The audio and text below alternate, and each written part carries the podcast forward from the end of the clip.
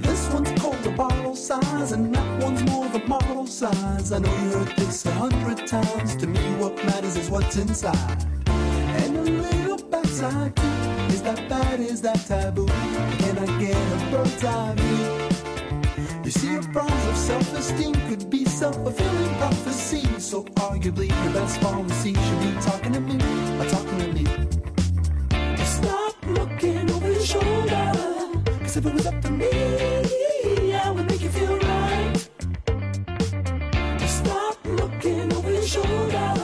If it was up to me, make you feel right. Goedemiddag, beste luisteraars. En leuk dat jullie weer luisteren naar deze podcast over de schouder. Mijn naam is Frederik Sikkema. Ik ben fysiotherapeut bij Fysiosportief in Groningen en richt mij in mijn werk voornamelijk op orthopedische knie- en schouderrevalidatie. Vandaag gaan wij het hebben over klachten aan een klein, maar erg belangrijk gewrichtje dat het sleutelbeen met het schouderdak verbindt, namelijk het AC-gewricht. En dat ga ik zeker niet alleen doen, want met mij zijn vandaag zowel de expert op dit gebied als ervaringsdeskundige als het aankomt op het meemaken van dit type letsel. Ik zal ze allereerst even introduceren wanneer ze kort wat over zichzelf kunnen vertellen. En om te beginnen met orthopedisch chirurg van het Martini ziekenhuis, Maurits Sietsma. Dag Maurits en welkom. Hallo. Leuk dat je er weer bij bent. Kun jij jezelf nog even voorstellen aan de luisteraars voor degenen die jou nog niet kennen? Ja, Eh, mijn naam is eh Maurits Sietsma, zoals al net gezegd. Ik werk sinds eh, 22 jaar in het Martini ziekenhuis als eh, orthopedisch chirurg. Ik ben aanvankelijk begonnen met de algemene orthopedie. Dat wil zeggen de orthopedie in eh, de breedste zin van het woord. Eh, dat geldt voor knie, heup, schouders en zelfs een tijd eh, wervelkolom. En de laatste 15 jaar heb ik me toegelegd op de schouder. En eigenlijk alles wat er op het schoudergebied eh, te beleven valt, eh, dat behandel ik. En daarnaast doe ik voor een deel nog mee met de primaire heup. Dus je zou kunnen zeggen schouderchirurg, maar je zou me ook kogelchirurg kunnen noemen. Vanwege het kogelgewricht dat de heup is, toch? Denk dat klopt. Zowel heup als schouder. Zowel heup als schouder. Hey, hartstikke goed. Eh, leuk dat je er weer bij bent. Bedankt voor de mooie introductie. Ehm, en fijn dat je ons wat gaat vertellen over het eh, AC-letsel. En dan zit naast mij ook nog Niek van Zwanenburg. Dag Niek. Dag. Leuk dat je erbij kan zijn als ervaringsdeskundige. Hey, kun jij even kort vertellen wie je bent? Ehm, ik ben Niek. Ik ben dus een van de twee ervaringsdeskundigen vandaag die erbij is. Ehm, ik ben 21 jaar en nou ja, vier weken geleden ben ik zelf tot val gekomen eh, nou ja, waarom ik hier eh, nu ben uitgenodigd op, eh, op deze podcast. Hartstikke goed. Daar gaan we straks nog wat meer over eh, horen, denk ik. En dan uh, laatst maar dan niet ehm, Frank Roda. Dag Frank, welkom. Hallo. Leuk dat je erbij kan zijn. Hey, kun jij eens vertellen waarom eh, ben je hier en, eh, en wie ben jij eigenlijk? Ja, ik ben eh, Frank Roda, 32 eh, jaar. Ehm, anderhalf jaar geleden ongeveer ben ik ten val gekomen met de racefiets. En eh, ongeveer een half jaar geleden eh, heb ik eh, zelf besloten om toch een operatie te laten uitvoeren aan mijn eh, schouder. Kijk aan. Nou, daar gaan we straks ook nog even over verder praten. En voordat wij dan de diepte induiken, uiteraard nog weer even een uitleg. eh, want jullie horen misschien al wat achtergrondgeluid. Maurits, waarom zitten wij, waar zitten wij eigenlijk en waarom zitten wij hier? Ja, wederom eh, ben ik eh, verrast voor de, of met de locatie. Ehm, wij als orthopeden, maar ik denk ook andere mensen, ehm, werken hard in de zorg. En om je energie zeg maar toch een klein beetje te kunnen verdelen en je op te laden, is het goed ook om wat andere dingen daarnaast te doen. Enerzijds sport, ehm, maar anderzijds ook hobby's. En een van de eh, hobby's die ik heb naast het sporten is bierbrouwen. En af en toe maak ik een eh, gelegenheidsbiertje. Dat kan zijn als iemand 50 wordt, of een promotie, of een huwelijksfeest, zoiets. En eh, ja, dit is een hele leuke bezigheid. En het lijkt wel alsof het een specialisatie is van schouders. Hoe meer je ermee bezig bent, hoe meer er ook achter komt wat er nog te ontdekken valt. Dus dat is een mooie overeenkomst. Maar, maar dat is wat mij betreft ehm, eh, de reden dat we hier zitten. Ehm, fantastisch. Ja, hartstikke goed. Om nog even toe te lichten, we zitten namelijk eh, midden in eh, brouwerij Martinez in het centrum van Groningen. Dus de, de vaten die staan aan en de geluiden op de achtergrond, eh, de hele brouwerij doet zijn werk. En ondertussen gaan wij hier praten over de schouder. En daarmee gaan we ook starten. Schoudergewricht, enorm bewegelijk gewricht. Je kunt er alle kanten mee uit. En natuurlijk essentieel voor een goed functionerend algemeen dagelijks leven. Voordat wij beginnen over het AC-gewricht zelf, hè, kun jij, eh, Maurits, ons eens meenemen in, eh, in het schoudergewricht en dan met name in de anatomie hiervan? Ja, ehm, je zegt terecht, schouder is een eh, ingewikkeld gewricht. Het is een van de kogelgewrichten. De andere gewricht is de heup. En eigenlijk als je over de, het schoudergewricht praat, is het niet een enkel gewricht. Het bestaat eigenlijk uit drie verschillende schakeltjes. En als je kijkt naar een schouder, dan heb je het over de kogel en de kom. En die is met name belangrijk voor onderhandse bewegingen. En dat zijn eigenlijk vrij simpele bewegingen als je kijkt eh, naar de bewegelijkheid en anatomie en de aanspanning van spieren. Het wordt pas ingewikkeld op het moment dat je de arm zeg maar, naar schouderhoogte brengt. Want dan gaan er allerlei eh, andere structuren eh, van belang zijn. Te noemen zijn het schouderbladgewricht, dat eigenlijk langs de ribbenkast omhoog beweegt. Maar ook het sleutelbeengewricht, de overgang van schouderdak naar sleutelbeengewricht, en dat is het AC-gewricht. Bij de beweging, als de schouder naar buiten gaat boven het eh, schouderniveau, dan draait het sleutelbeen weg om vitale structuren, zoals bloedvaten, maar ook een benig eh, structuur als het Ravenbecks-uitsteeksel. Die moeten eigenlijk ruimte hebben bij de bovenhandse bewegingen. En dat wordt eigenlijk gefaciliteerd in het sleutelbeengewricht. En als je de arm helemaal omhoog steekt en eigenlijk wijst naar de lucht, in dat laatste 40 graden van dat traject, dan zien we dat de overgang van sleutelbeen naar borstbeen. Maar eigenlijk als je kijkt naar je bewegelijkheid van de schouder, dan doe je heel veel met de arm van het lichaam af. Op het niveau van het schouderniveau. Denk maar aan een lepel aan je, naar de mond brengen of op je hoofd krabben. Dat zijn allemaal bewegingen die eh, eigenlijk gefaciliteerd worden in het AC-gewricht. En dat sleutelbeengewricht is eigenlijk een gewrichtje waarbij een stootkussentje zit. En dat stootkussentje is te vergelijken met een meniscus. En daaromheen zitten allemaal bandjes. En die zorgen ervoor dat het schoudergewricht en, en met name dus dat AC-gewricht stabiel is bij bewegelijkheid. En zeker ook als je dingen moet tillen of moet reiken of bovenhands moet plaatsen. Dan zien we dat dit gewrichtje uiterst belangrijk is. Dat is eigenlijk zeg maar grofweg als we het over de gewrichten hebben. En daarnaast heb je ook een heleboel spieren die dit faciliteren. Maar goed, dat laten we even zeg maar voor wat het is. Daar komen we misschien straks nog wel even eh, verder op terug. Oké, en ehm, zou jij misschien in lekentermen wat kunnen uitleggen hoe dat gewrichtje beweegt op het moment dat je bijvoorbeeld eh, de arm van je af beweegt boven die 90 graden? Ja, wat er gebeurt is dat het sleutelbeen dat draait eh, naar buiten en geeft eigenlijk eh, ruimte aan structuren. En eigenlijk draait hij daarmee om zijn as. En eh, wat je ziet is dat die bandjes, die zijn eigenlijk zeg maar als een wokkel eh, gedraaid. En op het moment dat je je arm naar buiten doet, dan draait die wokkel eigenlijk in elkaar. En op het moment dat je de arm weer naar beneden doet, draait die wokkel weer terug. En dat eh, schijfje, en ik noemde het eigenlijk al de meniscus, want het heeft eigenlijk eenzelfde soort functie. Die werkt als een schokbrekertje, als een bumpertje. Zodat klappen opgevangen kunnen worden. En eh, die zorgt er ook voor dat de glijlagen aan de kant van het sleutelbeen eh, voorzien van een kraakbeenlaag. En dat geldt ook voor de andere zijde, dat dat soepel verloopt. Want als dat, eh, die meniscus niet goed functioneert, dan kun je vervroegd slijtage krijgen of artrose. Ja, en nou zei je net inderdaad al, hè, opvangen van klappen. Ehm, wat gebeurt er? eh, er kunnen natuurlijk op heel veel manieren kun je letsel krijgen aan je, aan je schouder. Hè? Maar bij een AC-letsel, eh, hoe komt dat vaak voor? Ehm, AC-letsels komen voor op twee manieren. Enerzijds door een val op de schouder, waarbij de arm tegen het lichaam aanstaat, of een val op de uitgestrekte arm. Ehm, het kan ook nog zo zijn, maar dat geldt eigenlijk niet voor de jonge patiëntengroep, dat op oudere leeftijd, wanneer die bandjes wat minder stevig zijn, kun je ook bij hele zware eh, voorwerpen tillen, die je ver van het lichaam houdt, dan kan ook zo'n bandje inscheuren. Ja. Maar het merendeel zien we toch eigenlijk als we kijken eh, in, op de polyklinieken en op de eerste hulp eh, bij ons, in het Martini ziekenhuis, dan zijn het eigenlijk zeg maar toch met name de, eh, is het de jongere patiëntengroep. En ja, wanneer spreek je van een jonge patiënt? Wij zeggen eigenlijk dat dat eh, beneden de 40 is of boven de 40. Maar eigenlijk moet ik zeggen dat zeker eh, in de huidige situatie, waarin mensen steeds beter op hun gezondheid letten, dat eigenlijk die leeftijdsgroep wel omhoog gaat.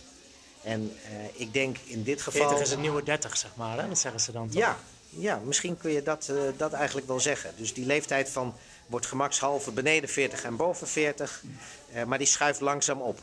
Het zou ook te maken kunnen hebben dat mijn eigen leeftijd opschuift, dat ik die grens wat verleg. Dat snap ik inderdaad ook wel weer dan. Ja. Hey, en hoe vaak zie jij dit soort letsels voorbij komen per jaar, gemiddeld ongeveer?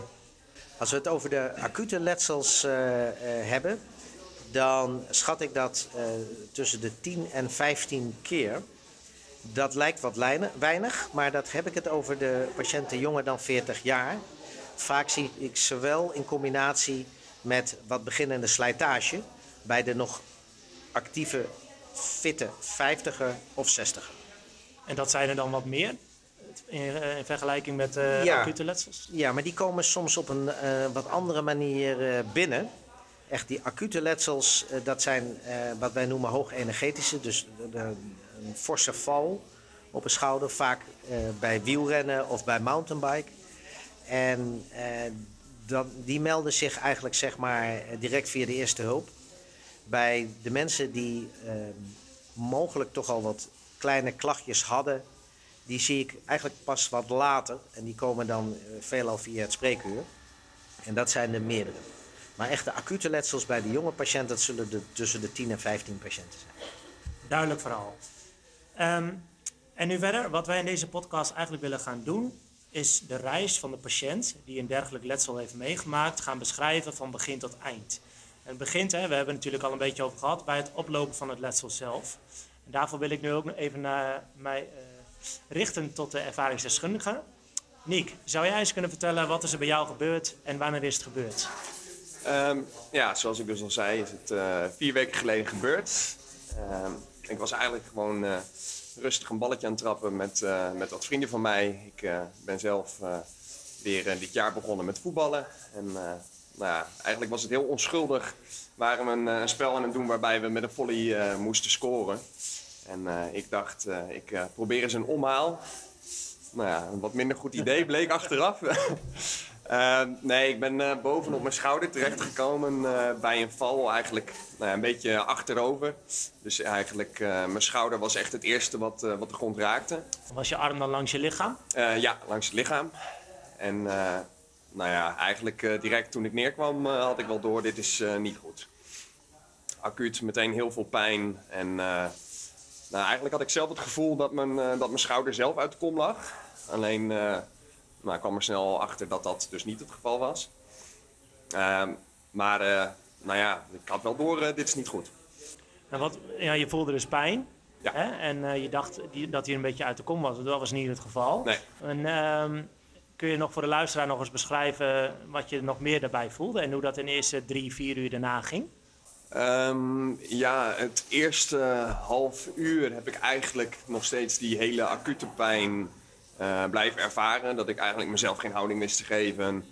Ehm, nou ja, daar op de club hadden ze alleen eh, wat paracetamol. Dus nou, dat deed ook nog niet meteen eh, zijn werking. Ehm, ja, en ik kon hem eigenlijk gewoon meteen niet heffen. Ik eh, heb met mijn arm eh, op de tafel of een beetje eh, nou ja, ondersteund langs mijn lichaam eh, gezeten. Uh, maar ja, zoveel pijn en nou ja, geen houding kunnen geven. Ik heb het wel gekoeld, maar nou ja, het uh, gaf meer wat afleiding, maar eigenlijk geen, uh, geen verlichting. Dus jij voelde wel, er is iets mis. Ja, ik wist wel uh, meteen, dit is niet goed, nee. Frank, ga ik naar jou toe. Ja. Voor jou wat langer geleden natuurlijk. Ja, iets langer geleden, klopt. Ja. Kun jij eens uit de doeken doen wat er uh, toen gebeurd is? Uh, nou, ik, ik, was aan het fietsen inderdaad. En op een gegeven moment dacht ik uh, ergens voorrang te moeten krijgen van een auto. Dat was ook zo, alleen dat gebeurde niet. Uh, waardoor ik op het laatste moment moest uitwijken en bij een wegafzetting terecht ben gekomen. die ik ook raakte. zodoende ben ik ter val gekomen en eigenlijk vol op mijn schouder gevallen. Ook weer arm langs het lichaam of uitgestrekte arm? Dat is een goede vraag. dat zou ik je nou, nu niet meer eh, kunnen zeggen, denk ik. Maar in ieder geval, eh, ik viel alleen op mijn schouder. Eh, het bijzondere was, verder was er eigenlijk ook niets kapot. Aan mijn kleding of eh, verder niets. Ehm, maar ja, wat Nico ook al zei, direct eh, eigenlijk nou, wel een helse pijn.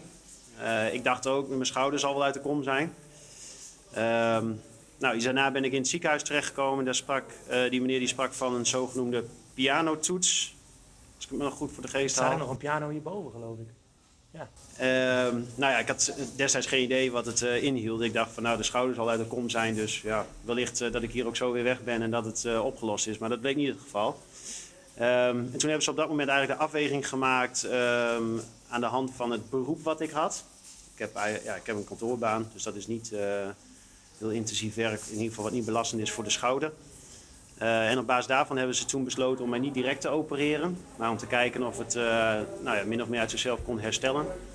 Ehm, waarna ik toch na eh, x aantal maanden heb besloten om toch weer een afspraak te maken. Om te kijken of ik toch eh, de keuze kon maken om het eh, te laten opereren. En dat heb, ik, dat heb ik uiteindelijk gedaan. En hoe was voor jou die eerste vier uur na de val? Verschrikkelijk.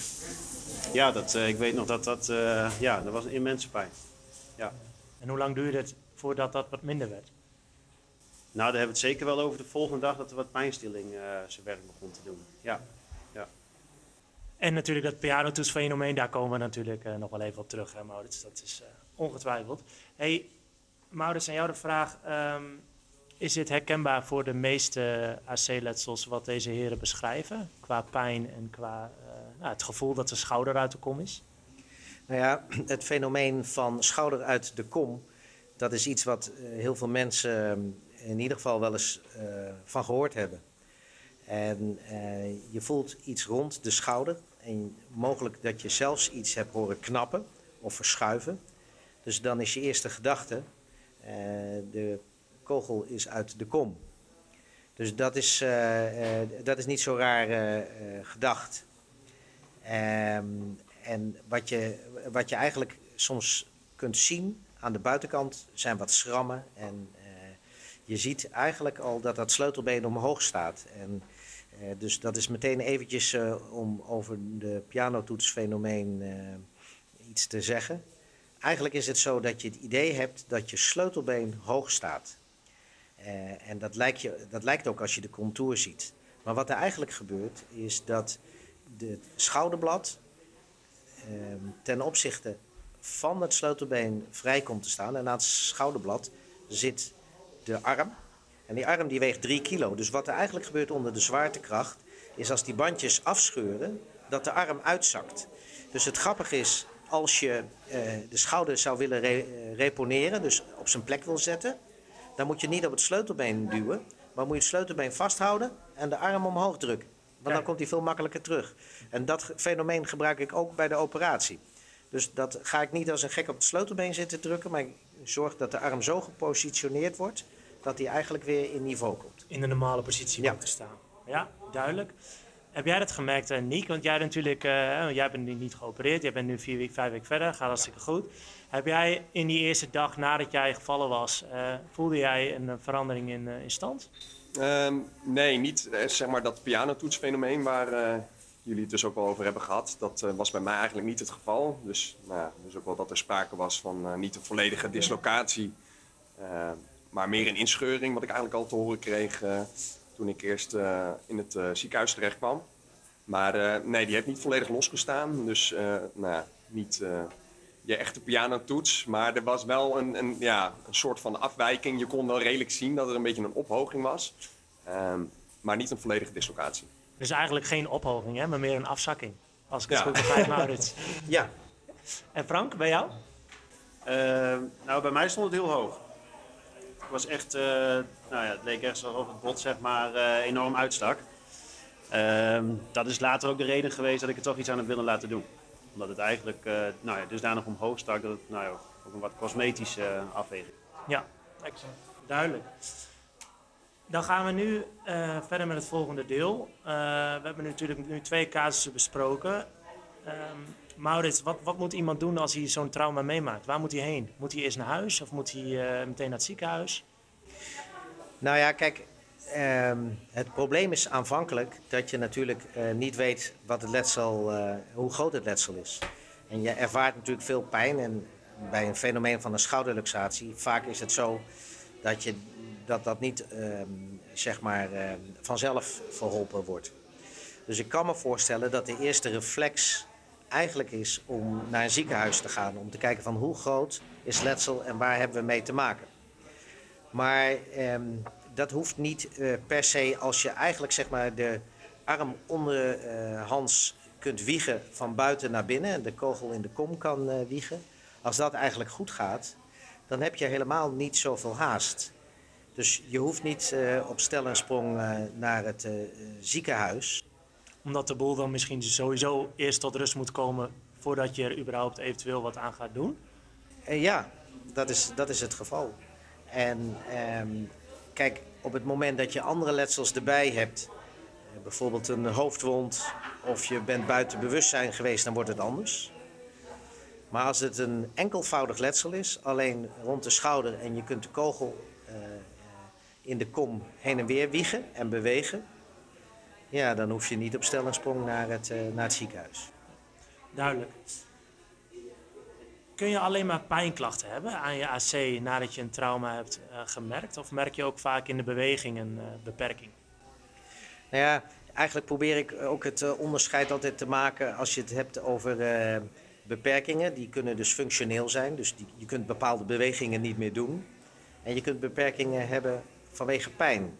Maar in die beginfase is de combinatie van beide. Want forse pijn aan de schouder zorgt voor bewegingsbeperking. En soms is het zo dat een bepaalde beweging boven een bepaald niveau juist weer pijn geeft.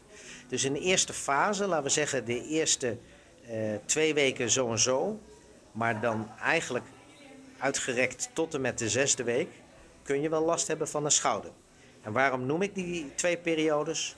Eigenlijk is een wondgenezing staat twee weken voor, biologisch gezien. Maar een bandje of een spier, die heeft zes weken tijd nodig om zeg maar weer vast te groeien. Eh, de meeste mensen kennen wel als ze bijvoorbeeld door een enkel zijn gegaan, als ze een enkelbandletsel hebben, duurt allemaal zes weken. Dus wij als chirurgen eh, denken heel vaak in periodieken van zes weken. En nou even die, eh, het verschil tussen, eh, want wat, nu, wat we nu besproken hebben zijn de traumatische AC-letsels. En Nieke eh, die is gevallen met voetbal tijdens een omhaal. Was het uiteindelijk nog een doelpunt geworden of dat, dat ook niet trouwens? Nou, ik heb niet echt goed nagekeken, maar hij scheen dus ook nog naast te zijn gegaan. Dus, helaas, helaas. helaas. Dubbel. Ja. En, en Frank die een verkeersongeluk heeft gehad. Dus dat zijn echte traumatische letsels. Ehm, nou heb je natuurlijk ook, denk ik, dat eh, er degeneratieve klachten op kunnen treden van het eh, AC-gewricht. Misschien zelfs na een paar jaar na het meemaken van een dergelijk letsel. En wat merk je dan? Ja, eigenlijk is het zo dat, ehm, zoals bij alles, is het verhaal heel belangrijk. Heb je te maken met een, eh, een jonge patiënt die eigenlijk nooit klachten heeft en in één keer van het ene moment op het andere een standsverandering ziet en veel pijnklachten die langer voortduren, dan heb je echt een acuut letsel. Soms is het zo, en dat is dan eh, wanneer je spreekt over degeneratie of veroudering van het gewricht.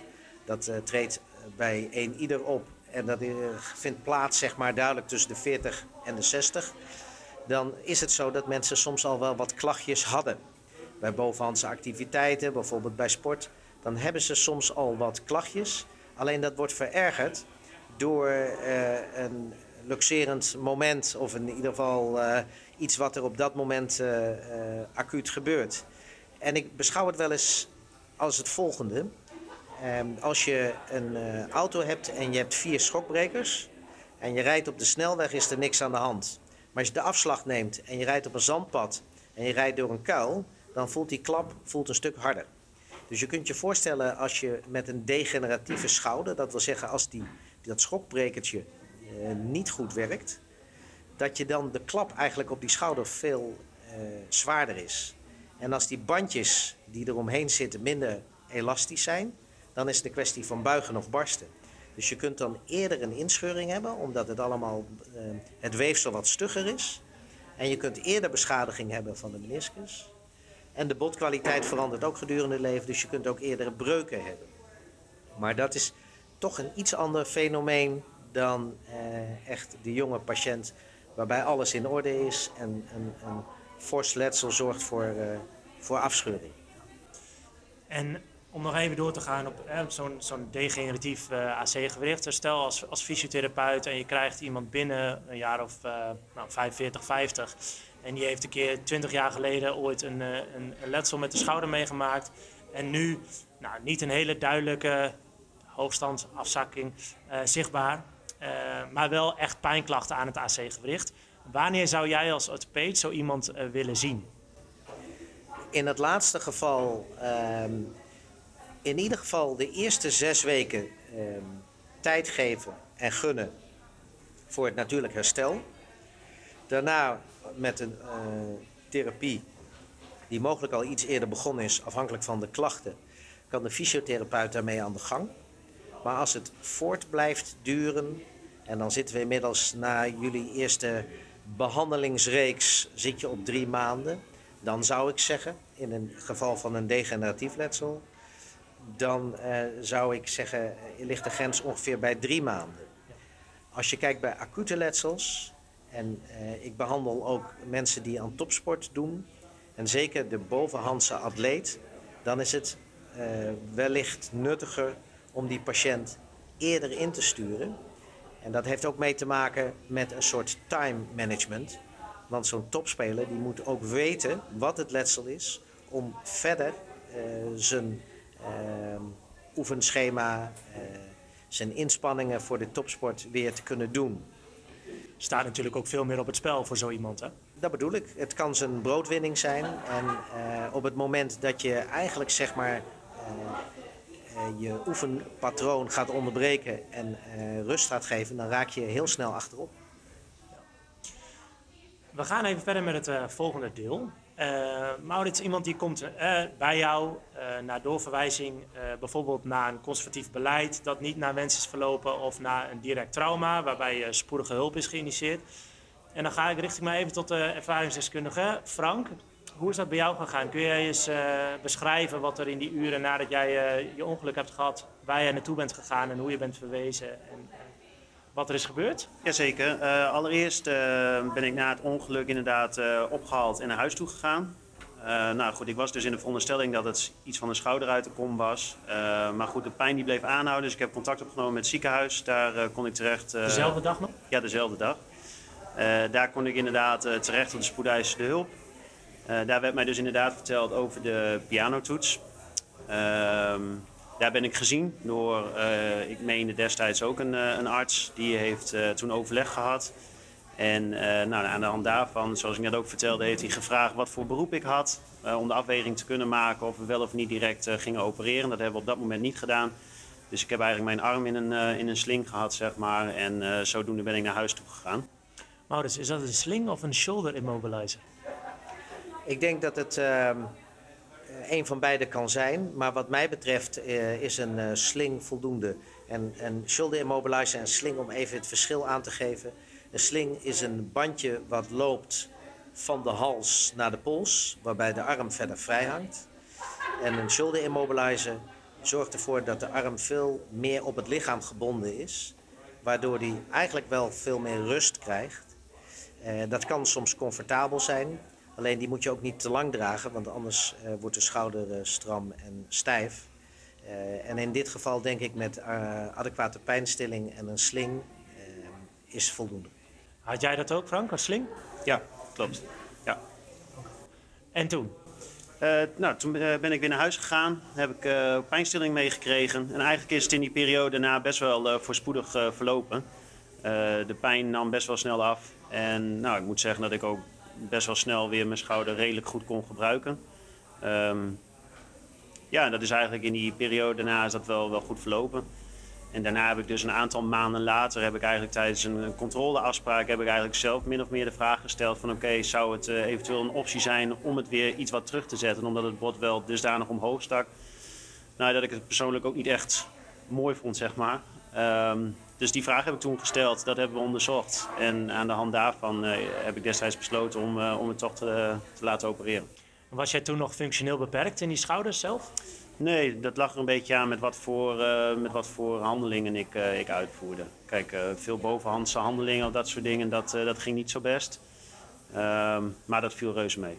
Ik heb er in mijn werk bijvoorbeeld ook geen last van. Wat ik, wat ik zei, ik heb een eh, kantoorbaan, dus daar wel, wel, eh, was ik verder niet beperkt of iets. En in het sport, be- beoefening? Ja, ik doe aan voetbal. Dus eh, dat werd eerst even wat lastig. Momenteel speel ik in een vriendenelftal op een iets wat lager niveau. Nou, dat gaat er soms ook iets, nou ja, laten we het onhandig noemen, aan toe. Eh, dus ja, het, eh, het risico om, om daar een beste beuk eh, te krijgen en weer iets op te lopen met die schouder was eh, wel degelijk aanwezig. Dus eh, dat heb ik ook een tijd niet, eh, niet kunnen doen. Nee. En Nick, voor jou? Ehm, ja, ik ben toen die zaterdag eigenlijk eh, door de huisartsenpost eh, toen verwezen. Eigenlijk via de telefoon om maar gewoon eh, nou ja, naar huis te gaan. En eh, als er geen standsafwijkingen waren en het enigszins uit te houden was qua pijn, dan eh, moest ik toch maar eh, wachten op de maandag. Ehm, dus van daaruit van de huisarts weer naar het ziekenhuis gestuurd, toch nog wel om foto's te maken. En uiteindelijk vanuit eh, die röntgenfoto's die toen zijn gemaakt, eh, doorgestuurd naar de spoed. En ja, daar is me dus eigenlijk verteld dat het gewoon een eh, nou, conservatief beleid is. En eh, nou ja, vanuit daaruit ben ik uiteindelijk dus eh, nou, bij jou terechtgekomen in, eh, in de praktijk. En ja, de eerste dagen had ik nog wel eh nou, fors pijn. En eh, kon ik eigenlijk ook nog niet heel veel met mijn arm. En, eh, omdat ik toen ook nog zelf gewoon naar huis ben gestuurd, heeft nou, mijn moeder toen een ritje naar de kruidvat gemaakt. en die heeft zelf even een, een sling aangeschaft. Dus zo kon ik in ieder geval mijn schouder goed rust geven. Ehm, ja, en vanuit daaruit ben ik dus toen die eerste week bij jou terechtgekomen. En nou ja, toch nog wel de boodschap van dit gaat nog wel even duren.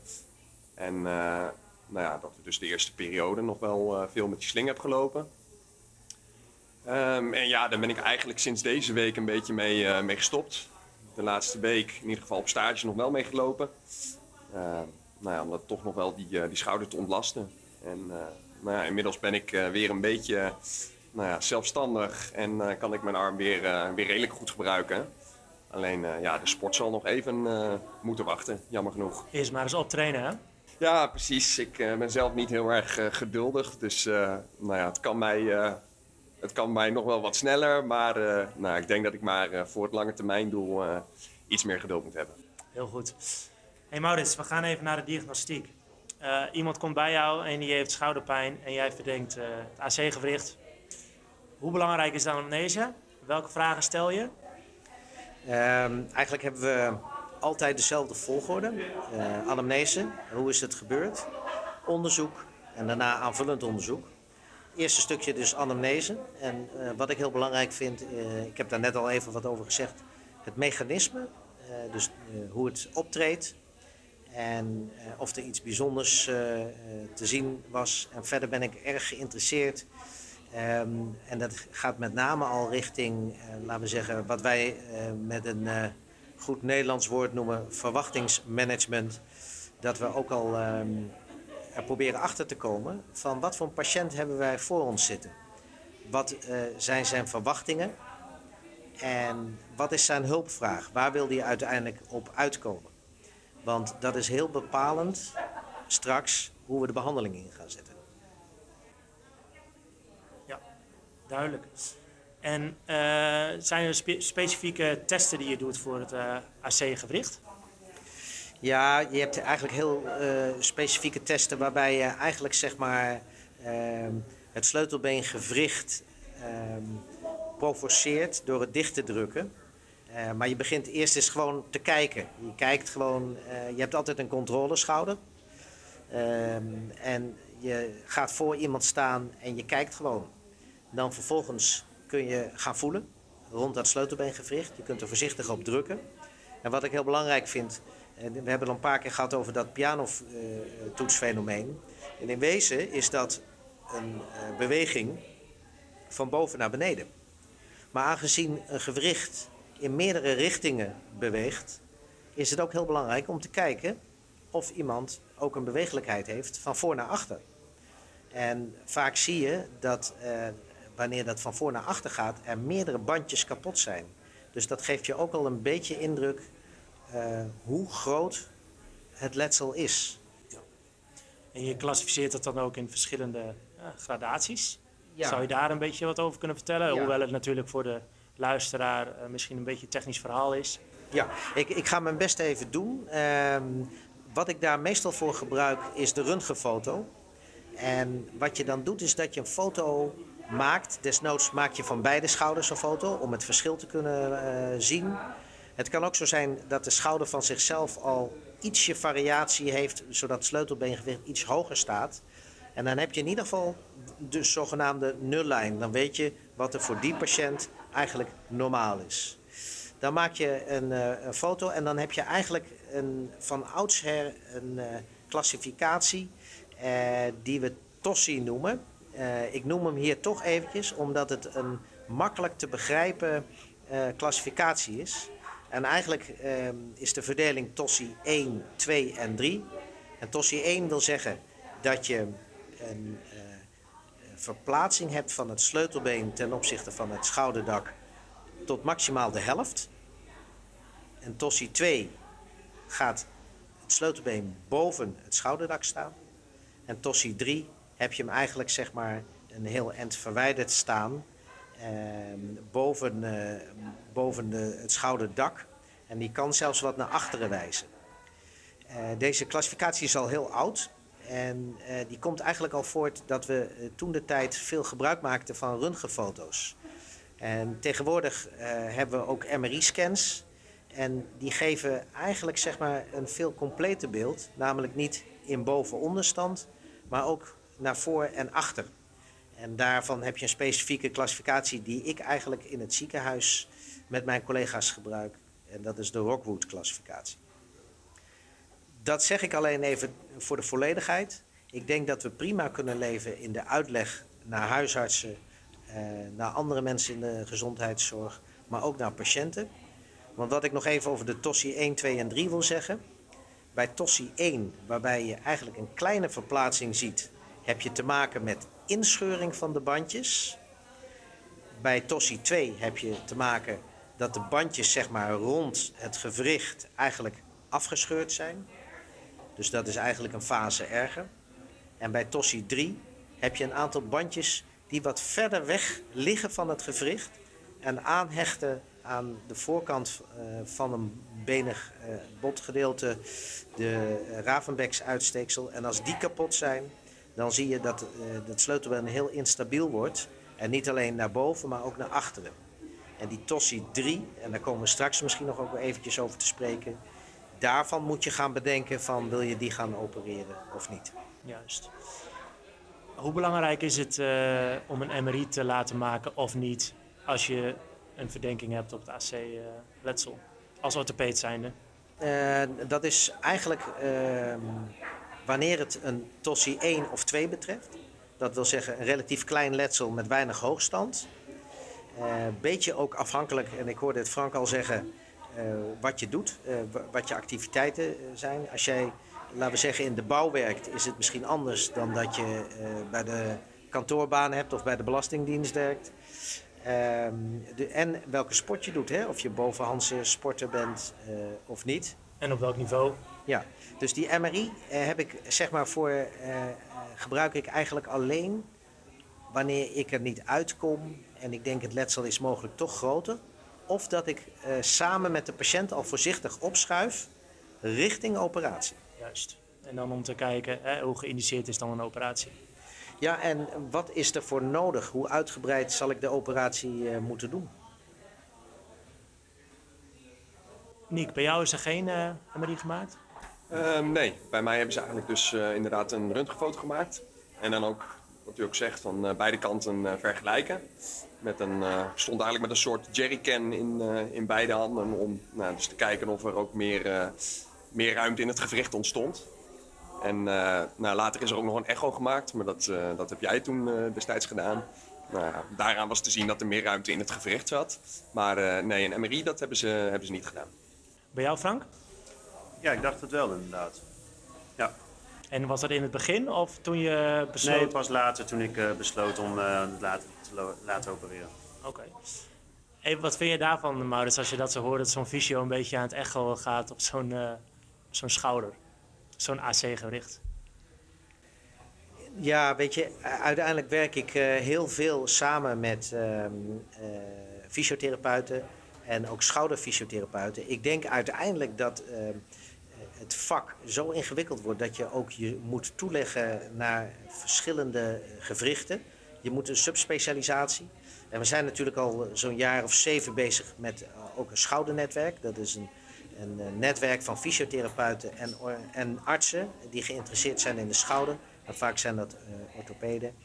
eh, om samen te werken. En een van de onderdelen is ook de echografie. Dus ik denk dat, eh, dat prima is om ehm, in ieder geval in de triage om dingen te kunnen zien.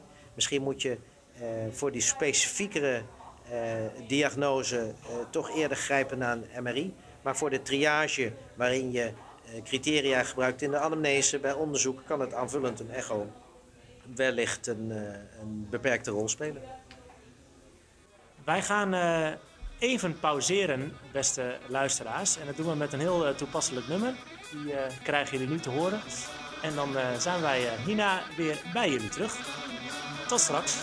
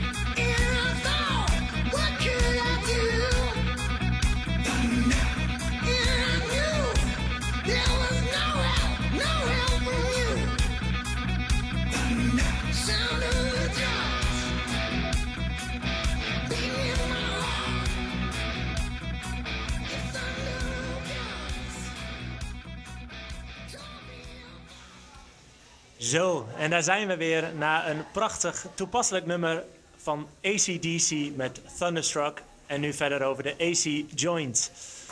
En we gaan nu verder met de besluitvoering over het al of niet opereren van een schouder waar een AC-letsel is geconstateerd.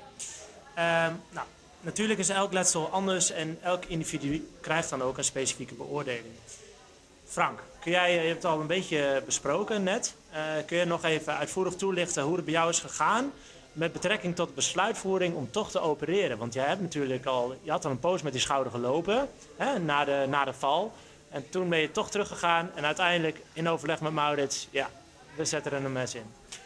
Hoe is dat gegaan?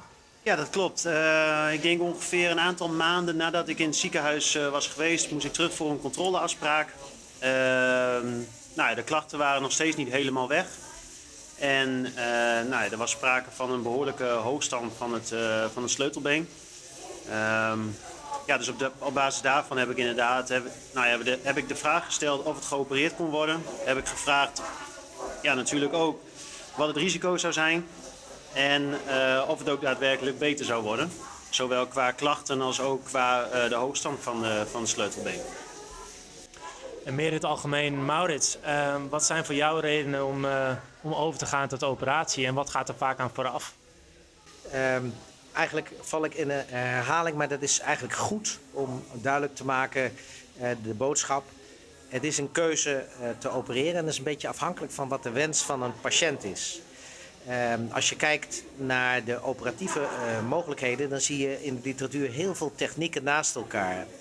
En dat wil zeggen dat één bepaalde techniek niet zaligmakend is. En eh, hoe ingewikkelder een techniek is, eh, hoeveel kans je ook hebt op eventueel eh, falen van die techniek.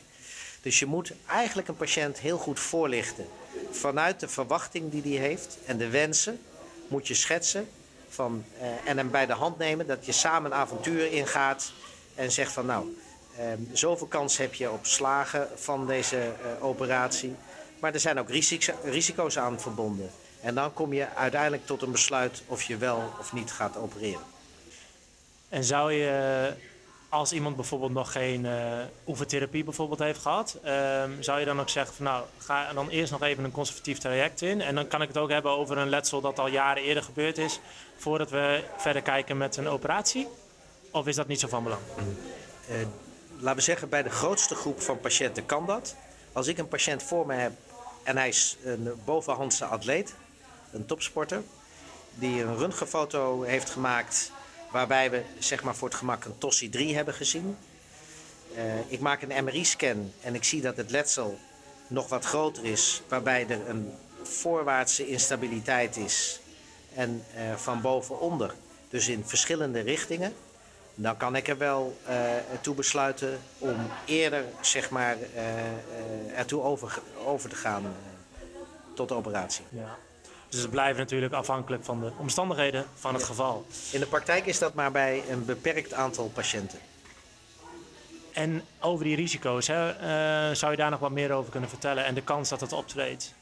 Ja, misschien is het ook wel goed om iets te vertellen over de techniek. Ehm, de techniek die ik gebruik is dat ik met een kunststof bandje eh, het sleutelbeen naar beneden trek en vastzet op het Ravenbecks uitsteeksel. Dat is de plek eigenlijk waar de bandjes halverwege het sleutelbeen vastzitten aan eh, het Ravenbecks uitsteeksel. Eh, daarmee trek ik eigenlijk het sleutelbeen naar beneden. Maar ik ben ervan overtuigd, en ik niet alleen, dat je alleen op osteosynthese materiaal, dus of het nou een schroef is of een plaat of een bandje, kun je niet functioneren. Dus je moet iets aanbieden van lichaams eigen eh, materiaal. En wat ik doe is dat ik dat bandje gebruik om het sleutelbeen weer naar beneden te trekken. Maar ik maak daarbij ook gebruik om een soort nieuwe band te creëren. En die haal ik van de hamstringspier van de knie. En die trek ik naar de knie. En uiteindelijk denk ik dat wanneer die hamstringspier eh, vergroeid is en vastgegroeid, dat die de functie op lange termijn heeft. En niet zozeer dat bandje. Dat bandje is alleen maar ondersteunend en zeker voor de eerste periode. Het werkt eigenlijk als een soort brace. Ehm, dat is één. En het tweede is dat ik ook nog de bandjes bij het gewricht ook vastzet. En dat doe ik door eh, een soort kapselplastiek te maken. Dat ik dat eigenlijk met hechtingen als het ware ook eh, vastzet. Dus je probeert eigenlijk op de plekken daar waar het eh, gescheurd is te corrigeren. En die kunststofband die ik gebruik is eigenlijk alleen maar om ehm, als een soort brace eh, de zaak te overbruggen. basis te vormen. Ja. En voor een operatie, is de fysio dan nog van belang? Of kun je gewoon die operatie doen zonder vooraf dingetjes te, te doen? Als we te maken hebben met een eh, zeer instabiele eh, sleutelbeen, dan overheerst de pijn en zul je ook niet zoveel met oefeningen kunnen komen. Misschien is voor het proces ook wel goed dat de patiënt er niet helemaal uit is van bij welke bewegingen hij nou tegenaan loopt. Dus in dat proces zou het heel goed zijn om eh, enkele oefeningen te doen. Ook in het kader van eh, better in, better out, stronger in, stronger out. Ja, ja, ja, vanuit dat principe ehm, dat je eigenlijk een soort handigheid al ontwikkelt, kan meehelpen in de postoperatieve fase eh, voor het herstel, voor de revalidatie, zeker. Ehm, om nog even iets te zeggen over eh, de risico's die je loopt. Doordat je de pace die je haalt vanuit de knie, vanuit een gezonde plek, dat moet je goed realiseren. Ik haal dus een pace weg vanuit een plek van de knie die eigenlijk niks met de schouder te maken heeft. Dus dat moet je goed realiseren. Dat kan de knie hebben, want het is eenzelfde pace die je gebruikt bij een voorste kruisbandletsel. Eh, de risico's die je hebt is dat je die pace moet eh, vastzetten in het sleutelbeen. Daarvoor moet je twee gaten maken in het sleutelbeen. Daardoor verzwak je het sleutelbeen. En je maakt een gat in het Ravenbecks uitsteeksel. Dus dan verzwak je daar ook het bot. Dus je kunt je voorstellen dat als je nog een keer ooit ter val komt... en in die eerste periode dat het bot nog niet helemaal doorgegroeid en dichtgegroeid is... dan loop je een iets grotere kans dat het daar breekt. Dat is één risico. Verder heb je de algemene risico als infectie en bloeding. En je hebt het risico dat door de rek van de pees dat die toch weer een klein beetje eh, terugkomt. Is dat bij jou zo gegaan, Frank? Hebben ze jouw eh hamstringpees gebruikt? Ja, dat klopt inderdaad. Onder de knie hebben ze daar een stuk van eh, de hamstringpees gebruikt. Ja, klopt. Kun jij eens beschrijven hoe dat eh, voor jou gegaan is nadat je geopereerd bent? Vanaf dag 1. Eh, vanaf dag 1, ja. Nou, wat ik vooral nog weet is dat, ik, dat het met name zeer deed op de plek waar de, het stuk van de hamstringpees was weggehaald. Eh, de schouder zal ook veel nog verdoofd zijn na de operatie. Dus ehm, nou ja, ik weet dat ik, eh, dat ik eh, wakker werd inderdaad in Martini ziekenhuis. Ik heb daarna nog een aantal ehm, eh, foto's ook direct moeten maken de volgende dag. Ik kreeg daarna medicatie voorgeschreven. Daarna heb ik een eindgesprek gehad en toen ben ik naar huis toe gegaan. Ehm, ja, en thuis was dan het, het advies om, ik dacht een week of zes, helemaal niet te belasten, zeg maar. En vervolgens kijken eh, aan de hand van eh, de oefeningen die ik had meegekregen. eh, in combinatie met het bezoek aan de fysio om te kijken in hoeverre je weer wat bewegingen kon, kon gaan oppakken. Ja, en hoe ging dat? Wanneer mocht je weer wat doen? Ik heb de eerste zes weken eigenlijk niet, niet veel gedaan. Op een aantal keren per dag dat ik hem, ook, dat ik hem eh, af en toe wat kon bewegen, zeg maar, om te kijken hè, hoe je die oefening, om niet al te stijf te maken, heb ik wat oefeningen Beetje gedaan. pendelen misschien? Ja, Ronddraaien met ronddraaien, ja. Maar eigenlijk verder niet, eh, verder niet te veel. Ehm, Essentieel natuurlijk, ook voor goede wondgenezing, eh Maurits. Ehm, zeker de eerste twee weken de wondgenezing. Ehm, eigenlijk is zo'n immobiliteit is voor een schouder eh, nooit goed. Dus je moet eigenlijk een beetje laveren tussen de ijsschotsen door. Dat betekent dat je een klein beetje moet oefenen dat de schouder of de omliggende eh, eh, gewrichten zoals elleboog en pols niet te stijf worden. Zul je eigenlijk een beperkt ehm, regime moeten hebben van bewegen. En ja, dat, dat is denk ik een uitgelezen ehm, ehm, gebied ook voor de expertise van de fysio. Met name geïnteresseerd in schouders. Om dat goed te begeleiden. Ja, je wilt altijd nooit overbelasten, maar wel eh, goed blijven bewegen natuurlijk, om eh, zo optimaal mogelijk te kunnen herstellen. Ehm jij hebt al wat minder gedaan dus in de eerste zes weken, als ik het begrijp? Ja, Oké, en maar na zes weken toen ging je wel... eh, Ja, ik denk dat ik in het begin iets te fanatiek ben geweest. Eh, maar dat werd me al snel afgeleerd. Eh, want op den duur had ik eh, nou, ja, relatief weinig klachten meer aan de schouder. Eh, ik weet nog dat ik thuis was en dat, wij, eh, dat ik samen met mijn partner even wat in de tuin ging doen. En ehm, dat ik daarbij best wel wat fanatieke bewegingen ging maken, waarbij de schouder ook aardig belast werd. En dat ik eh, die avond eigenlijk wel dusdanig veel last kreeg, dat het eigenlijk meer even eh, een moment was van oké, moet wel nog even rustig aan doen. Ondanks dat je misschien de pijn niet meer voelt, is de schouder dus blijkbaar nog niet echt helemaal hersteld. En dat vind ik dan wel weer interessant, want eh, eigenlijk geeft die schouder jou dan als het ware feedback over of je wel of niet te veel hebt gedaan. En dat is natuurlijk heel fijn als je dat kan hebben. Niek, dat herken jij ook wel een beetje in jouw werk als eh, stagiair fysiotherapeut. Dat je ook hebt gemerkt van oké, ik heb wat minder met de sling gedaan en wat, wat meer eh, werk gedaan. En dat die schouder daar toch wel op ageerde, zoals het heet. Ja, in de vorm van pijn en denk van oh ja, nu merk ik wel, dit, dit doet me wat zeer.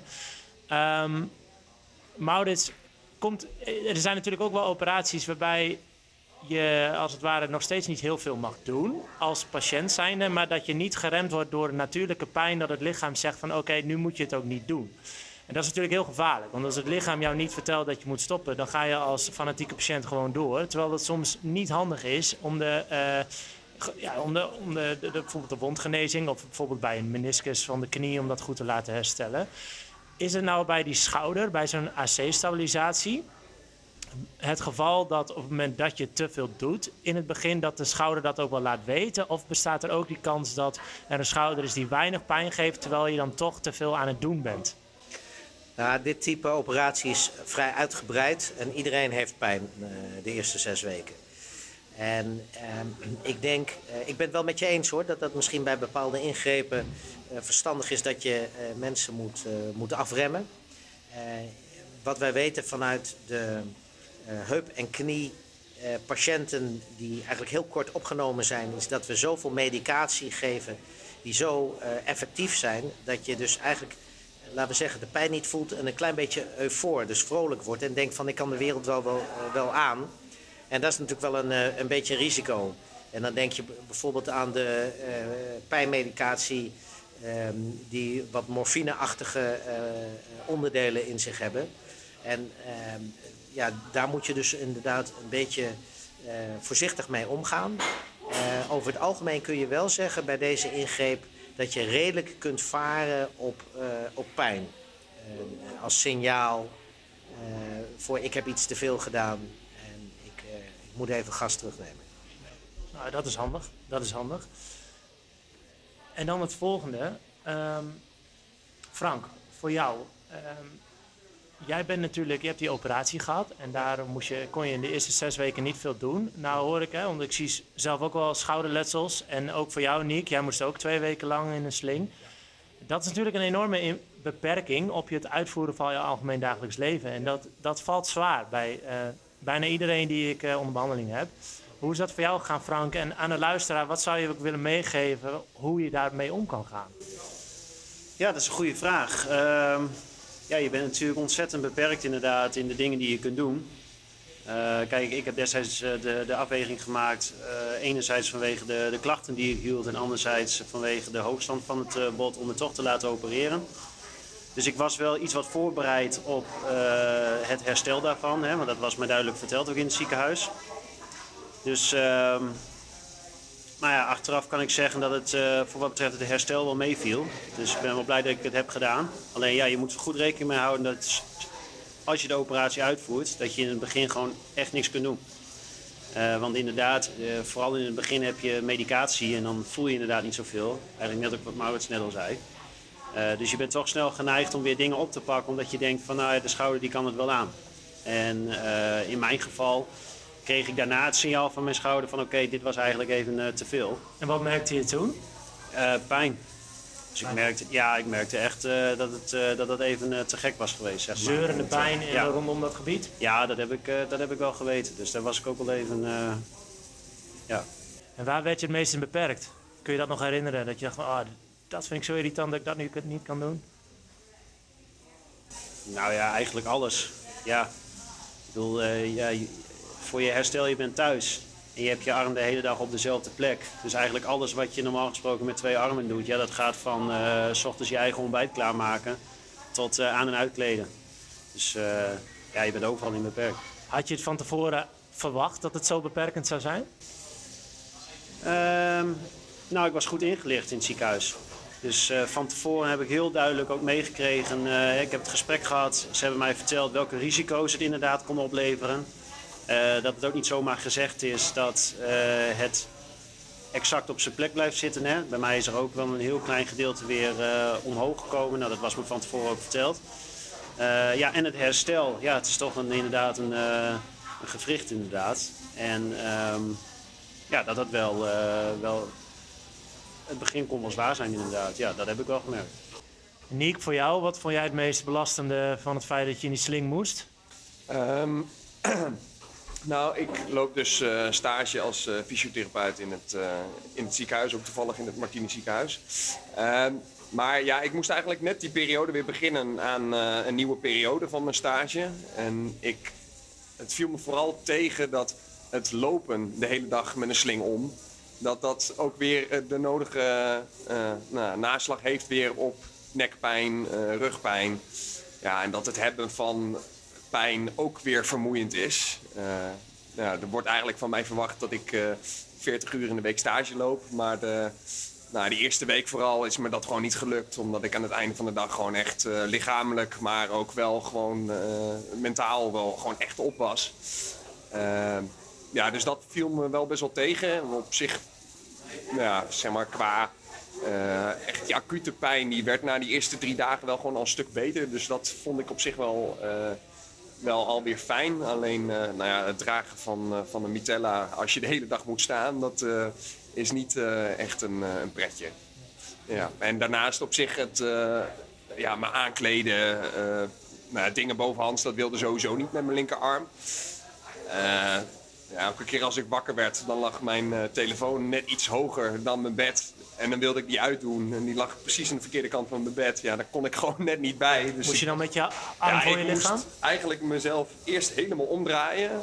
Om vervolgens met mijn andere arm dan mijn, eh, nou ja, om hem weer te pakken. Dus nou ja, je was helemaal klaar wakker. Dat in ieder geval wel. De wekker die deed eh, goed zijn werk. Ja, zomaar even wat van die kleine voorbeeldjes, hè, waardoor je toch echt beperkt wordt in je ADL. Nog even een paar vragen, Maurits, over de operatie. Hoe lang ben jij meestal bezig met zo'n stabilisatie? Ik moet dus een eh pees halen uit de knie. Dat is eigenlijk ook wel een operatie op zich. Dan, eh, Is dat, de, even, is dat de semitendinosis voor de fysiotherapeuten die luisteren? Ja. ja. Ehm, dan is het eigenlijk ook nog zo dat eh, je de schouder moet voorbereiden. Daar begin ik meestal mee. Ehm, er wordt ook wel gezegd, als je op tijd erbij bent, dan kun je de bandjes die daar nog zitten hechten. Nou, de, de patiënt die ik zeg maar het eh, eh, snelst geopereerd he- heb na een trauma is drie dagen. En dan kan je wel zeggen, die bandjes kun je niet hechten. Dus wat dat betreft moet je eigenlijk ook gewoon zo'n pace altijd wel aanbieden. En dat betekent dat je toch met alle voorbereidingen, met ook het steriel afdekken, je moet dus een veld maken voor eh, de knie en je moet een veld maken voor de schouder. Eh, dus dat zijn ook wel wat logistieke zaken, daar moet je gewoon goed over nadenken. Eh, ben je toch eh, gauw twee uur bezig. Twee uur. En hoe zit het met het litteken? Ehm, het litteken, ik, ik maak gebruik van een eh, open procedure, de sabelhouw-incisie over de schouder. En dat doe ik via één incisie. En dat is een, eh, eh, uiteindelijk een vrij grote incisie. Dat wil zeggen, dat zal ongeveer zo 7 centimeter zijn. Oké. Ja. En nou zit ik bijvoorbeeld even te kijken als iemand bijvoorbeeld een eh, meniscushechting krijgt, geheel iets anders dan waar we nu over hebben, eh, van de knie, dan eh, kan het wel eens zo zijn dat hij zes weken niet meer mag buigen, omdat hij dan de hechtingen even moet beschermen. Geldt dat ook voor zo'n geopereerde schouder als in na een AC-stabilisatie? Zijn er bewegingen die je in de eerste weken na de operatie absoluut niet mag maken, omdat je de boel dan weer stuk trekt? Ja, eh, en precies om die reden. Dat wil zeggen, ehm, als je nog even kunt herinneren eh, hoe ik begonnen ben, dan wordt dat eh, gewrichtje actief. Dan komt de druk op te staan wanneer de arm tot schouderniveau komt. Dus voor het gemak en de overzichtelijkheid zeg ik gewoon onderhandse beweging eerste zes weken maken. Dan heb je eigenlijk al kracht van het gewicht van de arm op dat gedeelte van het gewrichtje. Dus ook zeker niet tillen. Want dan wordt eigenlijk zeg maar eh, de kracht op dat gewrichtje alleen maar groter. Dus ook geen, niet eh, boven de 90 graden in die eerste zes weken. Ja, dat is het meest gemakkelijke eh, en duidelijke om af te spreken. En geen krachtsinspanning. eh. En geen kast. En dan na die zes weken, dan mag je daar rustig weer mee beginnen. En wat je ook al eerder zei, dat is natuurlijk ook op geleide van de pijn. Dat is een mooie indicator daar bij die schouder. Zijn er na de zes weken, eh ja, als orthopeed zijnde, dat je zegt van nou oké, doe daar nog even voorzichtig mee. Of doe dat eerst ook niet na zes weken. Over het algemeen zie ik de mensen na zes weken terug. Eh, voorheen was dat wat meer. Nu in de COVID-tijd waarin we zitten, eh, is het soms dat ik ze pas zie bij drie maanden. En eigenlijk is dat wel een mooie vingeroefening, omdat ik eigenlijk steeds meer verantwoordelijkheid wil geven naar eh, de schouderfysiotherapeut in het netwerk. Om steeds meer die zelfstandigheid en hem of haar als professional zeg maar, in te zetten. Eh, maar er zit natuurlijk, eh, we werken heel strak met protocollen. Voor mij is zes weken zeg maar groen licht om een volgende stap te maken. Maar je moet heel goed kijken hoe je het protocol toepast bij de individu. Als iemand toch onverhoopt gewoon wat meer pijn heeft, dan zul je de eerste periode nog wat rustiger aan moeten beginnen. En misschien voorwaarden scheppend zijn. Dat haal je wel in. Maar ga het alsjeblieft niet forceren. Want als je de pijn die er al is nog meer gaat forceren, dan gaan mensen zich steeds meer terugtrekken, raken verkrampt. En daar heb je niks aan. En eh, met dat schoudernet wat we nu hebben, eh, is, is dat heel prima. Eh, dus eigenlijk wat ik wil zeggen, net zoals het voor mij de behandeling individueel bepaald is, zal dat ook voor de nabehandeling gelden. En daar is de professional, zijnde de fysio, in de lead. Dus jij wil iemand zes weken eh, na de operatie weer zien voor controle.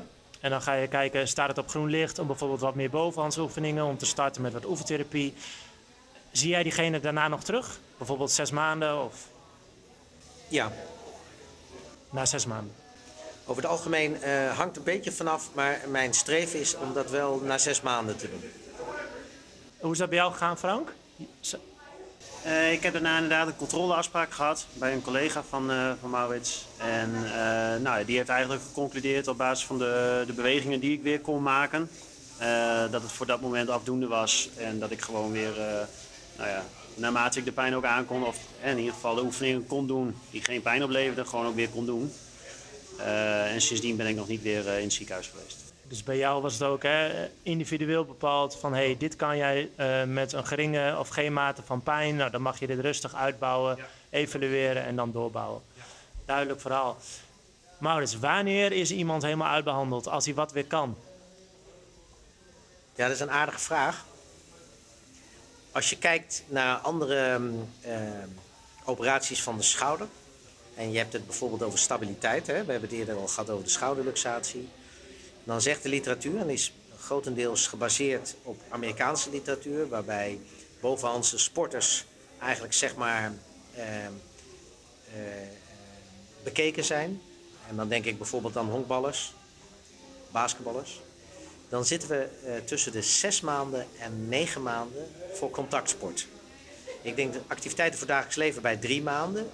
En de snelle mensen bij zes maanden voor de sport. Maar het kan wel tot negen maanden duren. Die periode moet je er wel voor uittrekken. En heb jij daar, eh, ik weet niet, misschien is dat ook meer de richting voor de fysiotherapeut hoor, maar heb jij bepaalde oefeningetjes of testjes dat je zegt van hey, op die manier testen wij iemand, of ik noem maar eens een, eh, nou, een push-up met klap bijvoorbeeld, eh, als het dat goed gaat, of een monkey bars, iets dergelijks. Nou, je kunt op verschillende manieren testen. Ehm, we hebben voor de stabiliteit van de schouder ook een schoudertestbatterij. En dan kijken we naar kracht.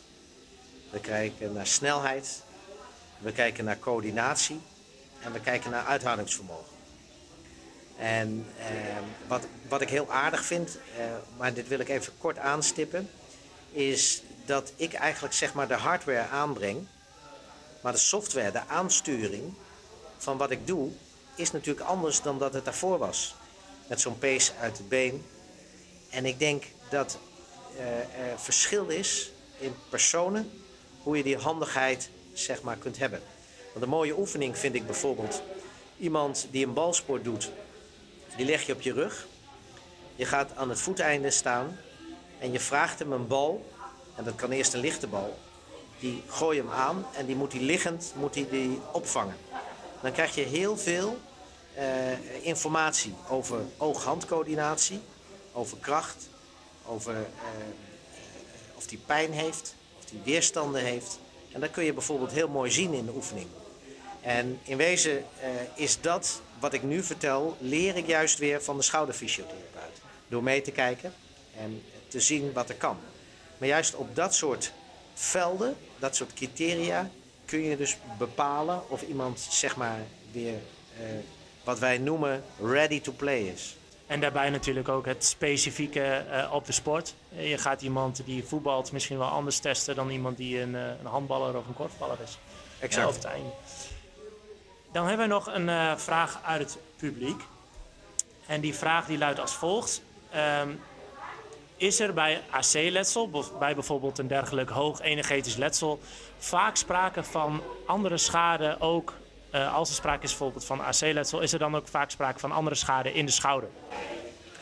Nou, niet, niet per se. Dat kan natuurlijk wel. Dat is, ehm, je kunt natuurlijk dusdanig terechtkomen dat je daarbij ook... eh, je hebt zo'n zo weken delen eh, schade, kneuzingen. ehm, eh, maar soms heb je ook de combinatie ehm, eh, met een, een fractuur. Dus een breuk van het sleutelbeen of het schouderdak. Maar of dat nou vaak is, je ziet dit soort letsel geïsoleerd toch ook eh, redelijk vaak wel voorkomen. En dan nog even om, eh, we hadden het net met Nick ook al eventjes over, als je dus een dergelijke ehm, letsel hebt meegemaakt. Hè, je, hebt, je, hebt, je hebt een beetje standsverschil, maar lang niet genoeg om er een stabilisatie van te maken. Want er is natuurlijk ook weinig instabiliteit van het gewricht, maar er is wel pijn en er is toch wel wat schade. Eh, hoe zit het nou met Nick als hij 30 jaar later, eh, heeft hij dan nog veel kans op eh, bijvoorbeeld artrose in, in zijn AC-gewricht of nog, nog andere schouderklachten? Eigenlijk, als je het zo beredeneert hè, en alles wat we zeggen, dan zou je dat verwachten. Maar eigenlijk weten we dat niet. eh, of dat zo is. Ehm, Dus over 30 jaar gaan we weer even een podcast maken over de degeneratieve AC'en. En dan is Nick er ook weer bij. Ja. ja.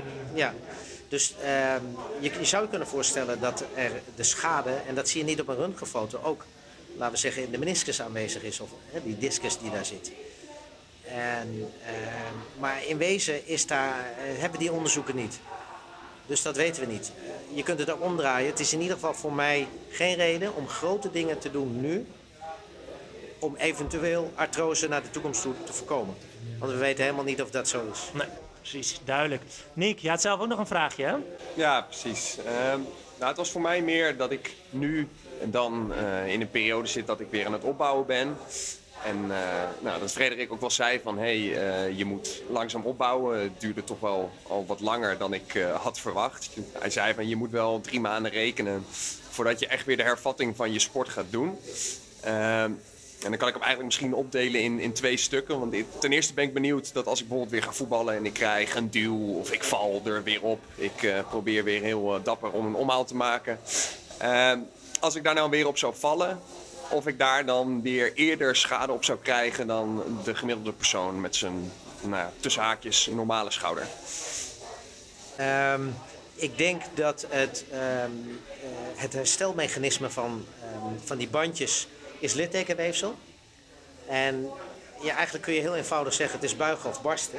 Het zal toch een ander soort eh, schouder eh, zijn. En het, het zal wat stugger aanvoelen. Dus in die zin zou je kunnen verwachten dat het wel eh, een, een zone at risk zou kunnen zijn. Ehm, dus ja, dat zou kunnen. Oké. En daarnaast ben ik ook nog eh, nou ja, zelf bezig met wat krachttraining. Dus gewoon in de sportschool. En eh, nou ja, je weet wel, het eh, normale bankdrukken, shoulder press. En alles wat er maar bovenhands te zien is in de sportschool. Dat komt normaal gesproken natuurlijk ook in mijn trainingsschema langs. Ehm, zou ik daarna nog in de hervatting van mijn sport straks weer meer klachten bij ervaren? Op de lange termijn misschien? Of dat ik met het oppakken van deze sporten wel heel erg eh, hierop eh, bedachtzaam moet zijn?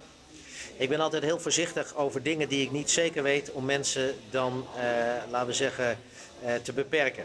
Ik vind een beperking opleggen, daarmee invalideer je mensen. En mijn doel is juist mensen weer in beweging krijgen aan de rol. Dus ik zou zeggen, lekker aan de gang gaan en we zien wel waar het schip staat. Ja, maar gewoon kijken of hele je het gewicht Lijkt mij een houdt. hele goeie. We gaan eh, volgende week 100 kilo bankdrukken. Ja, nou ja, we zien wel even. Goed. Zo, wij zijn aan het einde gekomen van deze eh, podcast over AC-letsel. En zoals altijd lijkt het mij mooi om af te sluiten met een gouden tip van zowel de mensen die deze operatie hebben doorgemaakt als van de orthopeet die eh, dit soort operaties uitvoert. Dan begin ik met de geopereerde. Frank, wat zou jouw gouden tip zijn voor de luisteraar? Eh, nou, mocht je je laten opereren, eh, begin niet te snel en te enthousiast weer met bepaalde oefeningen te doen. Duidelijk. Niek, als conservatief behandelde AC-man, zeg het eens. Ehm, ja, misschien ook gewoon om het niet te onderschatten. En eh, nou ja, dan maar wel gewoon de tijd te nemen eh, voor wat het nodig heeft. Ook al eh, heb je misschien niet zo heel veel geduld, net als ik. Geduld is een schone zaak. Maurits, als laatste. Ik denk de tijd eh, die een patiënt moet nemen, zal ik ook moeten nemen vooraf. Door mensen heel goed uit te leggen en naar achter zien te komen. En eh, door voorlichting te geven samen met de patiënt steeds een individueel eh, strijdplan te maken. Eh, en dat is denk ik wat eh, het leuk maakt, dat het niet een eenheidsworst is en dat je alle behandelingen op elke patiënt loslaat, maar dat je het individueel eh, bepaalt. En dat be- begint met informatie geven. En ik denk dat zoiets als een podcast en daarna verwijzen, geeft juist ook heel veel informatie vooraf. Dus ik denk dat dat een goede bijdrage kan, eh, kan leveren. En maak het eh, echt op individueel niveau duidelijk hoe je verdere strategie zal zijn. Dat lijkt mij een heel goed plan. En met deze gouden tips eh, sluiten we dan ook af. Eh, ik wil namens uh, Schoudersportief, namens Fysiosportief heel hartelijk bedanken de mensen die hier aanwezig hebben willen zijn om deze podcast mogelijk te maken. Bij deze bedankt Maurits, bedankt Frank en bedankt Niek. We hopen dat jullie als luisteraars genoten hebben van deze podcast. Mochten jullie nog meerdere podcasts willen luisteren over de schouder, dan kun je die vinden op ons Spotify-kanaal Fysio Sportief. En volgens mij komen ze binnenkort ook op uh, Schoudernet Noord. En die website, Maurits, uh, hoe heet die ook alweer? www.schoudernetnoord.nl www.schoudernetnoord.nl Luisteraars, we hopen dat jullie genoten hebben van deze podcast. We wensen jullie nog een hele fijne dag en tot de volgende keer.